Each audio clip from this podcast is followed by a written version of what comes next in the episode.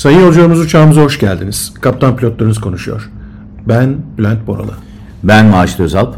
Bugün bize çok sorulan sorulardan bir tanesi üzerinde havacılık profesyonelliği sınırları içinde kalarak konuşmaya çalışacağız. O da 11 Eylül olayları. 11 Eylül olayları havacılık sektörünü, havacılık endüstrisini ve siz yolcularımızı nasıl etkiledi? Hayatımıza neler kattı ya da neleri çıkarttı?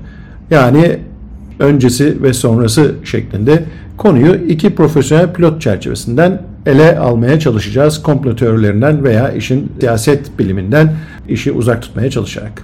Evet Maaşlı abi ne dersin? Bülent 11 Eylül 2001 tarihinde gerçekleşen 4 uçağın kullanıldığı bu olay aslında havacılık tarihinin bir dönüm noktası. Belki de dünyanın değiştiği gün olarak adlandırılıyor. O tarihten evvel havacılık alanında gerek terminallerde gerekse uçuş sırasında yolcuya daha çok esneklik sağlanmış bir ortam varken aynı şekilde uçuş ekibine ve pilotlara Dolayısıyla bu tarihten sonra her şey değişti. Bu saldırılarda yaklaşık 3000 kişi hayatını kaybetti. 3000 kişi hayatını kaybetti ama bence dünyadaki tüm havacılık geleceği değişti. Bununla ilgili hepimiz bunları yolcu olarak ve uçuş ekibi olarak yaşıyoruz. Neydi peki? 11 Eylül olayları ne değişti abi? Ne fark ettirdi bize? Ya da dünyada neyin farkındalığını sağladı? Ne diyebilirsin? Bunun hiçbir şey söyler misin? Aslında hatırlarsın biz uçuş güvenliğini nasıl sağlıyoruz adlı podcastimizde bunları şekilde değindik. O zamana kadar bir ulaşım aracı olarak kullanılan uçak ilk kez bir silah olarak kullanıldı. Evet değil mi? Daha önce savaş uçaklarının altında bomba taşınır diye biliyorduk. Ama uçak ilk kez bir silah haline Aynen. dönüştürüldü. Bir terör enstrümanı olarak, bir silah olarak hayatımıza girdi ve bunun nasıl engelleyeceği konusunda ilk başta bütün ülkeler bir şaşkınlık yaşadı. Tedbirler çok yüksek oldu. Amerika'da bir savunma Ulusal Güvenlik Bakanlığı kuruldu. Aynı zamanda TSA adını verdiğimiz gene havalanlarının güvenliğinden sorumlu bir e, organizasyon yapıldı. Tabii ki bütün ülkeler kendi iç güvenliklerinde havacılık güvenliği ile ilgili yerleri aktif ettiler ama hatırlayın o dönemleri bir anda büyük yasaklar geldi. Neydi o yasaklar Bülent? Evet mesela çok basit bir şey söyleyeyim. Avrupa Birliği'nin o tarihlerde yayınladığı uçaklarda taşınamayacak malzeme veya alet araç anlamında baktığımızda bir listesi vardı. Yüksek topuklu kadın ayakkabısı dahil uçağa binmesi yasak idi. Aynen. Uçağa binemiyordu. A- ayakkabıları Mesela, niye çıkarıyoruz Bülent? Onunla ilgili yine geçerken. Evet, 2008 senesinde İngiltere'de Manchester'da Aviation Security Manager'lık eğitimi alıyordum İngiliz Savunma Bakanlığı'ndan. E bize de patlatma, e, bomba patlatma provaları yapıyorlardı, gösteriyorlardı. Etkisi ne olur anlamında. Bir kibrit kutusundan daha küçük patlayıcının o uçak gövdesinde, o çok sağlam gövdede ne kadar büyük bir hasara yol açtığını kendi gözlerimle hakikaten gördüm kapı kadar bir yeri bir anda yok edebiliyor ki bir de bu basınçsız ortamda. Bir de yukarıda iç dış basınç farkının bu kadar büyük olduğunu düşünürsek ayakkabının topuğuna gizlenmiş bir bombanın havada patlatılmasının uçak içinde ne kadar büyük bir tehdit oluşturabileceğini düşünmek bile istemiyorum. O sıvı kontrol da aynı şekilde değil mi? Hepimiz diyoruz ki işte 100 milimetreyi geçmeyecek, toplam 1 litreyi geçmeyecek, şeffaf görünecek. Bir dönem hala aslında birçok ülkede çok sıkı bir şekilde kontrol ediliyor ama bunu tarayacak olan röntgen cihazları çok geliştirildi. Görüntüleme aletleri, eğitimler her konuda arttırıldı. Fakat hayatımız değişti Bülent. Yani ben kendi adıma yolcu olarak bu uçuş güvenlik önlemlerinin hepsini bilmeme ve bunları desteklememe rağmen bazen uzun kuyruklarda beklemekten ve bu kuyrukların sonunda işte onu çıkart, bunu oraya koy. E, bunu daha belki podcast'te de anlattık. İşte iPad'inizi açın, bilgisayarın ekranı gösterin. Fakat dün mesela İstanbul yatıdan geldim. Artık İstanbul'da tabletleri çantalardan çıkarmak zorunluluğu yok. Neden? Çünkü görüntüleme sistemleri değişti. Görüntüleme evet. sistemleri çok daha iyi bir yere gitti. Sadece bunlar değil Bülent. Biz neden 2-3 saat önce havaalanına gidiyoruz? Neden bu kadar erken gitmek zorunda kalıyoruz? Güvenlik önlemleri. Değil mi temel olarak? Evet. Ne Güvenlik... kontrol ediyorlar bu güvenlikte Bülent? Güvenlikte her şeyi kontrol ediyorlar. Havalimanının bazı kısıtlı bölgeleri var. O kısıtlı bölgeye her türlü giriş çıkış kontrol edilir. Buna yiyeceğimiz yemekten, taşıdığımız çantalardan, onları taşıyanlardan yani o bölgede bulunan İkram. her şey ikramından diğer malzemelere kullanılan araçlara kadar her şey mutlaka çok sıkı kontrol edilir. O bölge temiz tutulur. Bunun ucunun nereye kadar uzandığını söyleyeyim. Mesela apronda biz kedi köpek görmek istemeyiz. Çünkü şöyle bir kural var. Eğer bir yere kedi köpek girebiliyorsa oraya terörist de girebilir. Dolayısıyla biz apronda, havalimanında uçakların hareket ettiği sahada o yalıtılmış bölgelerde bir şeyin kontrolsüz hiçbir şeyin olmasını istemeyiz. Bu sebeple de bir sürü güvenlik tedbirleri inanılmaz güvenlik tedbirleri gördüğünüz ya da görmediğiniz bir sürü tedbir e, mutlaka devrede. Peki ne oldu? Mesela daha önce biz nasıl uçuyorduk abi? Hatırlıyor musun?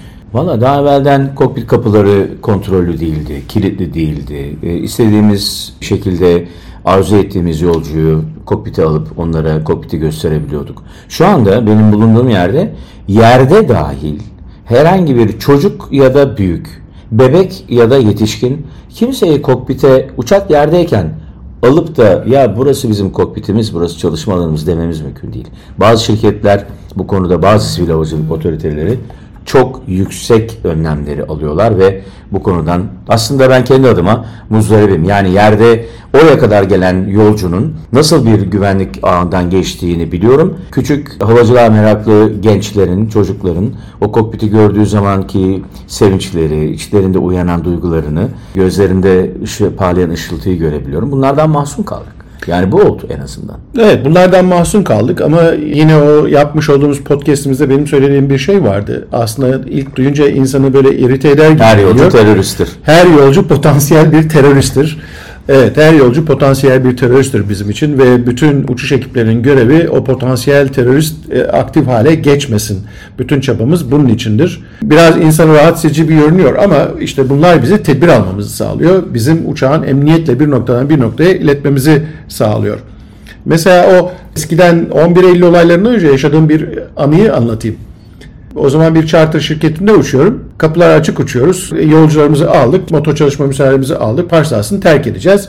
Pushback dediğimiz uçağın geriye doğru iterek park sahasından çıkarılma faslı var. Kaptanımız da şakacı bir kaptandı.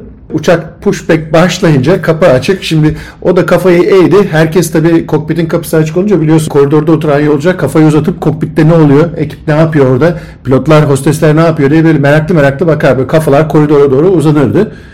O da geriye dönüp baktı, telsiz eline aldı. Sayın yolcularımız kafalarınızı çekebiliyor musunuz? Geriye doğru göremiyorum, arkayı göremiyorum şeklinde bir şey yapmıştı. Hemen kafalattık, çekilmişti kenara böyle bir an koridordaki bütün kafalar çekilmişti. Bu arada Rüstem Atayizi abimizdir bu. Rüstem Evet. abi e, Kulakları sevgiyle anıyoruz. Kulakları çınlasın. Sevdiklerine de selamlar. Evet böyle güzel anlarımız olurdu. Bir uçağa gelen pilotlar mutlaka kokpiti ziyaret edip işte bir merhabalaşırdık, vedalaşırdık. Ama şimdi bunların hepsi tarihe karıştı. 11 Eylül olayları havacılığın aslında dönüm noktalarından bir tanesi oldu.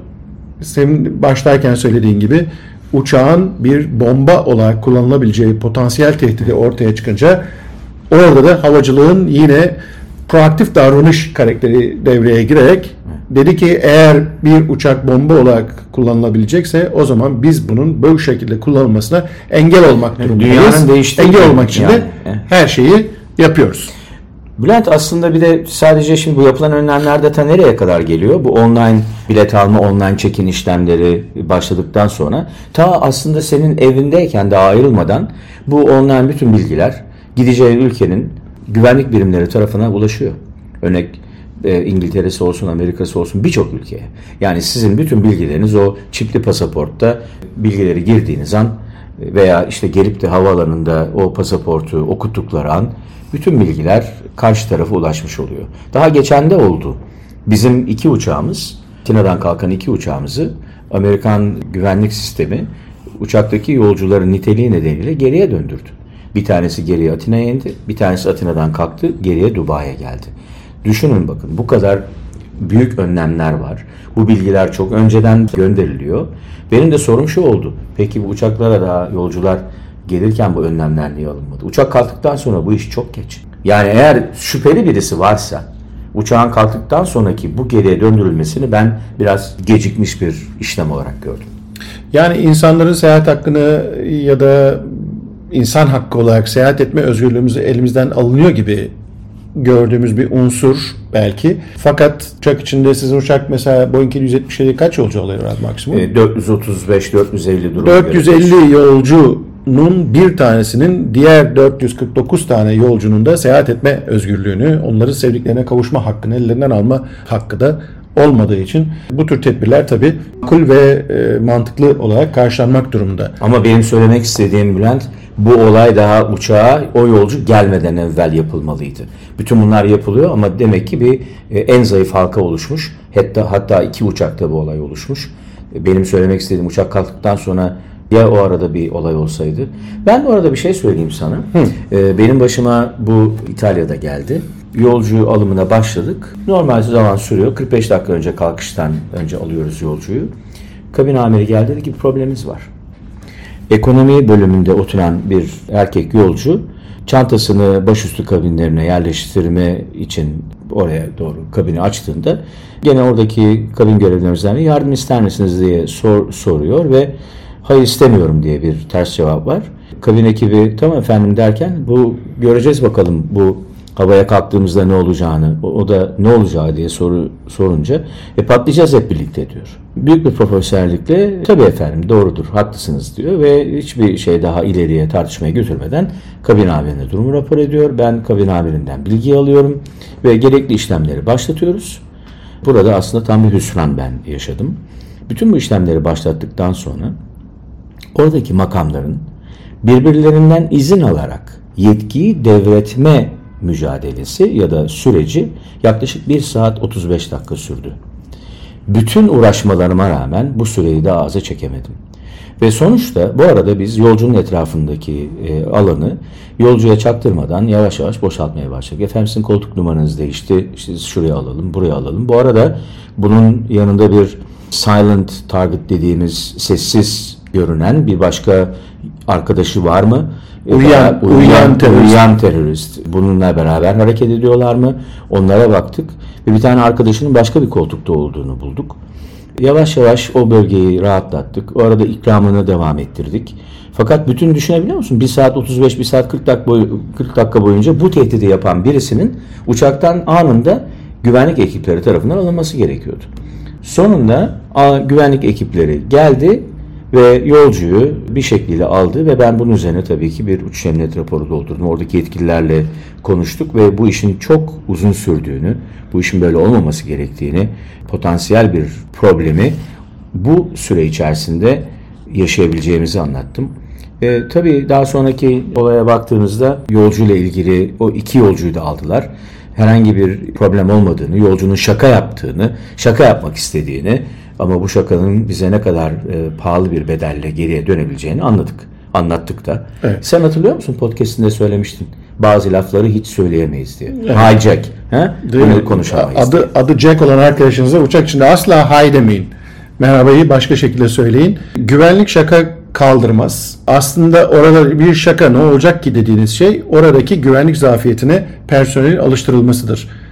Artık ha şakadır, şakadır o tabiri caizse hani kedidir o. Kedi gibi bir noktaya gidebilir. Dolayısıyla güvenlik şaka yapılamaz. Güvenlikten de taviz verilemez. Uçağın emniyetli bir şekilde uçabilmesi için. Tabii 11 Eylül olaylarından sonra havacılık sektörü bu kadar emniyet faktörüne yatırım yapar hale geldi. Hayatımızı zorlaştırdı. Yolcunun da hayatını zorlaştırdı. E kapı, kapı, Uçuş ekiplerinin de hayatını Evet, uçuş kapısı kapalı tuvalete bile çıkarken değil mi Bülent? Bir Tabii. sürü trafik koordine ediyoruz, yolcuyu boşaltıyoruz o koridordan. Biz kapıyı açarken kimsenin olmamasına bakıyoruz ya da işte bir şekilde engelletiyoruz. Bir şekilde o yolcunun kokpite girmesine engel olmak tüm amacımız. Evet. Kokpit ele geçirirse uçak ele geçirilir çünkü. Peki Bülent bir soru Peki. sorayım sana. Biraz uç bir soru soracağım. Önce ben soracağım. Sonra da ben soracağım. Tamam.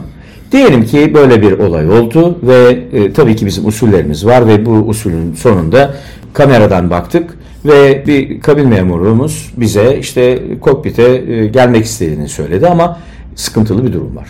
Dolayısıyla müsaade etmedik. Fakat daha sonra bu uçağı kaçırmak isteyen kişi bizimle irtibata geçti ve dedi ki kapıyı açmazsanız buradaki önce ekipten başlayacağım. Ondan sonra yolculardan teker teker her 5 dakikada bir birini öldüreceğim. Ne yaparsın? çok zor bir karar değil aslında. Aslında benim profesyonellik anlayışım açısından çok kolay bir karar ama insaniyet anlamında çok zor bir karar elbette. Asla kapıyı açmam. Ben de açmıyorum. Yani o uçak muhtemelen iki pilot ve hayatta kalan teröristlerle iner en son ama asla kapıyı açmam. Kokpit ele geçirilirse uçak kimsenin yaşama şansı yok. Ve bir de bunun sonucunda 11 Eylül'de olduğu gibi bir silah olarak kullanılırsa YK'nın toplam başımıza gelebilecek katastrofik sonucun ne kadar nerelere ulaşabileceğini bizler biliyoruz. Mesela uçak kazayla kaçırıldığı bir şekilde anlaşıldı ya da uçağın kaçırıldığı anlaşıldı bir şekilde ne olur mesela abi? Ne bekleriz biz öyle bir durumda? Kokpitin ele geçirildiği bir durumu söylüyorsun. Evet, uçağı kaçırmak isteyenlerin gözünü korkutalım. Ne olur öyle bir durumda? Aslında bizim yaptığımız belirli protokoller var. Bu protokollerin sonunda da her ülkenin aldığı güvenlik önlemleri var. Çok e, net olarak söylüyorum. Bizi önlemek üzere mutlaka hava savunma sistemi devreye girer. Ne demek önlemek abi? Yani iki tane avcı uçağı, Savaş uçağı değil mi? savaş uçağı yakınımıza gelir. Öncelikle kontrolün kimde olduğunu anlamaya çalışırlar. Ve uçağı belirli ülkelerde belirli meydanlar var bunlar için yönlendirilen. Buraya yönlendirirler. Eğer bu uçak bu savaş pilotlarının uyarısına uymazsa zannediyorum ki en son verilecek o ülke tarafından karar uçağın düşürülmesine kadar gider. Yani bu bunun kaçarı yoktur. Böyle bir olayın da biliyorsun yaşandığına dair şeyimiz var. Ee, bir meydandan kalkıp kabin taziği ve oksijen sistemi devreye girmediği için, kabin taziği devreden çıkıp oksijen sistemi de devreye girmediği için kokpitte pilotlar bayılınca bir kabin memuru kokpitte yan tarafa gelen F-16'larla gerekli teması kuramıyor. Onlar da uçağın terörist tarafından ele geçirildiğini muhtemelen varsayıyorlar ve uçağın yakıtsızlıktan düştüğü söyleniyor dağlara. Yer pozisyon vermeyeceğim herhangi bir sansasyona sebep olmamak için ama kafamızda oluşan resim uçağın F-16'lar tarafından etkisiz hale getirildiği diyelim. Ee, peki ben sana sorayım abi. Biliyorsun bizim 2000'li yılların başlarında 2000 zannediyorum 7 idi. Antalya'da kaçırılan bir havayolumuzun uçağı indirildi. Antalya'ya indirildi. İndirildikten sonra kaptan motorları durdurdu. Ve uçaktan ayrıldı. Uçağın penceresini açtı, kokpitin penceresini açtı ve kaçtı gitti. Ne diyorsun? Sence uzun bir konu. Bir sonraki başka bir podcast için mi konuşalım bunu? Yoksa cevap vermek ister Yo, misin? aslında tabii ki biz ne diyoruz? Kaptan uçağın her şeyinden sorumlu tek kişidir. Bakarsak uçakların e, daha doğrusu havayolu şirketlerinin manuellerine şirketin genel müdürü veya patronun sorumlulukları bir sayfanın iki paragrafında anlatılmıştır. Ama kaptan pilotun sorumlulukları belki 10 sayfayı bulur. Madde madde paragraf paragraf aşağı doğru iner. Her şeyden, aklınıza gelecek her şeyden sorumludur. Bunun bu sorunun yanıtı gayet basit. Nasıl olur da sorumlu olduğunuz bir uçağı bırakır gidersiniz? Ha burada çeşitli argümanlar var. Ve uçak pilotlar olmadan kalkamayacağı için uçağı e, hareket edemez hale getirdi. Argümanlardan biri bu. Ama ben bunun doğru olmadığını düşünüyorum. Ben de kahraman olmanın pilotun görevi olmadığını düşünüyorum. Pilot kahraman olmak zorunda değil. Kahraman olmak için görevlilerimiz var. İşte asker gibi, polis gibi ya da inzibat gibi devletin üniformasını taşıyan, silahını taşıyan yetkililerimiz var. Bu işin sorumluları var. Kahraman olmak onların görevi. Onlar bu zamanlar için yetiştiriliyorlar. Bir pilot profesyoneldir ve bu profesyonelliğin içinde teröristle mücadele etmek yoktur. O uçak zaten indikten sonra etkisiz hale gelmiş demektir. Uçağın kalkmasına hiçbir sistem müsaade etmeyecektir. E, kalkmayacak uçakta da bir pilotun kendi hayatını riske ederek orada bulunması gibi bir sorumluluğu olup olmadığı gibi bir etik e, tartışma ya da etik bir çatışma devam eden bir çatışma söz konusu. Bunun çok profesyonel cevapları var. İki taraf için de doğru cevaplar var. İki taraf için de yanlış cevaplar var. Tabii biraz hani şartlar belirliyor. Biraz konum belirliyor. Biraz o anki pozisyon belirliyor. Ama pilotun görevi birinci görevi kahraman olmamaktır.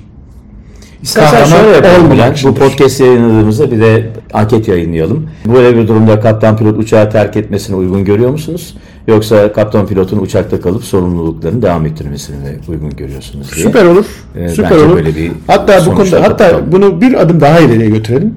Bu konuda bir dinleyicimizi podcast'imize misafir alalım. bu anketi yaptıktan sonra mesela yolcu olarak fikri ne? Ne söylemek ister?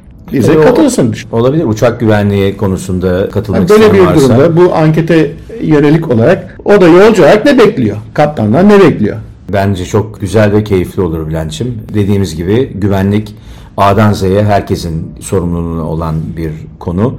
Bu ta uça evde başlayan ve uçak indikten sonra artık uçağı terminali terk ettiğiniz ana kadar geçerli olan kuralları kapsayan bir protokolün uygulanmasıyla devam ediyor. Onun için hepinize e, bizim bu konuda da e, elimizden gelen ne varsa onu yaptığımızdan emin olmanızı, konuda eğitimler aldığımızı, tüm personelimizin bu konuda yetiştirildiğini hatırlatıyorum. Fakat tabii ki hepiniz Bülent Kaptan'ın daha belki podcast'te söylediği gibi yolcumuz da bu güvenliğin en büyük zinciri ve zincirin en kuvvetli halkası da orası. Onun için hepinize emniyetli ve güzel uçuşlar diliyorum Bülent. Bu dediklerine ilave olarak ben de şunu söyleyerek podcast'imizi sonlandıralım. Güvenlik şakaya gelmez. Güvenlik sadece uçuş ekibinin görevi değil. Güvenlik bütün yolcu dahil bu endüstri içinde yer alan herkesin toplum dahil herkesin görevidir. Burada sadece algımızı yönetmeliyiz. Orada yapılan bütün kontroller, bütün o bizi zorlayan, o bizi böyle nefret ettiren, ettirecek noktaya gelen kontrollerin tamamı bizim emniyetimiz ve can güvenliğimiz için sevdiklerimize ulaşabilmemiz için yapılmaktadır. O zaman bu konudaki podcast'imizi sonlandırırken hepinize iyi işler diliyoruz. Hoşçakalın. Hoşçakalın. Cabin crew landing position, have a nice landing.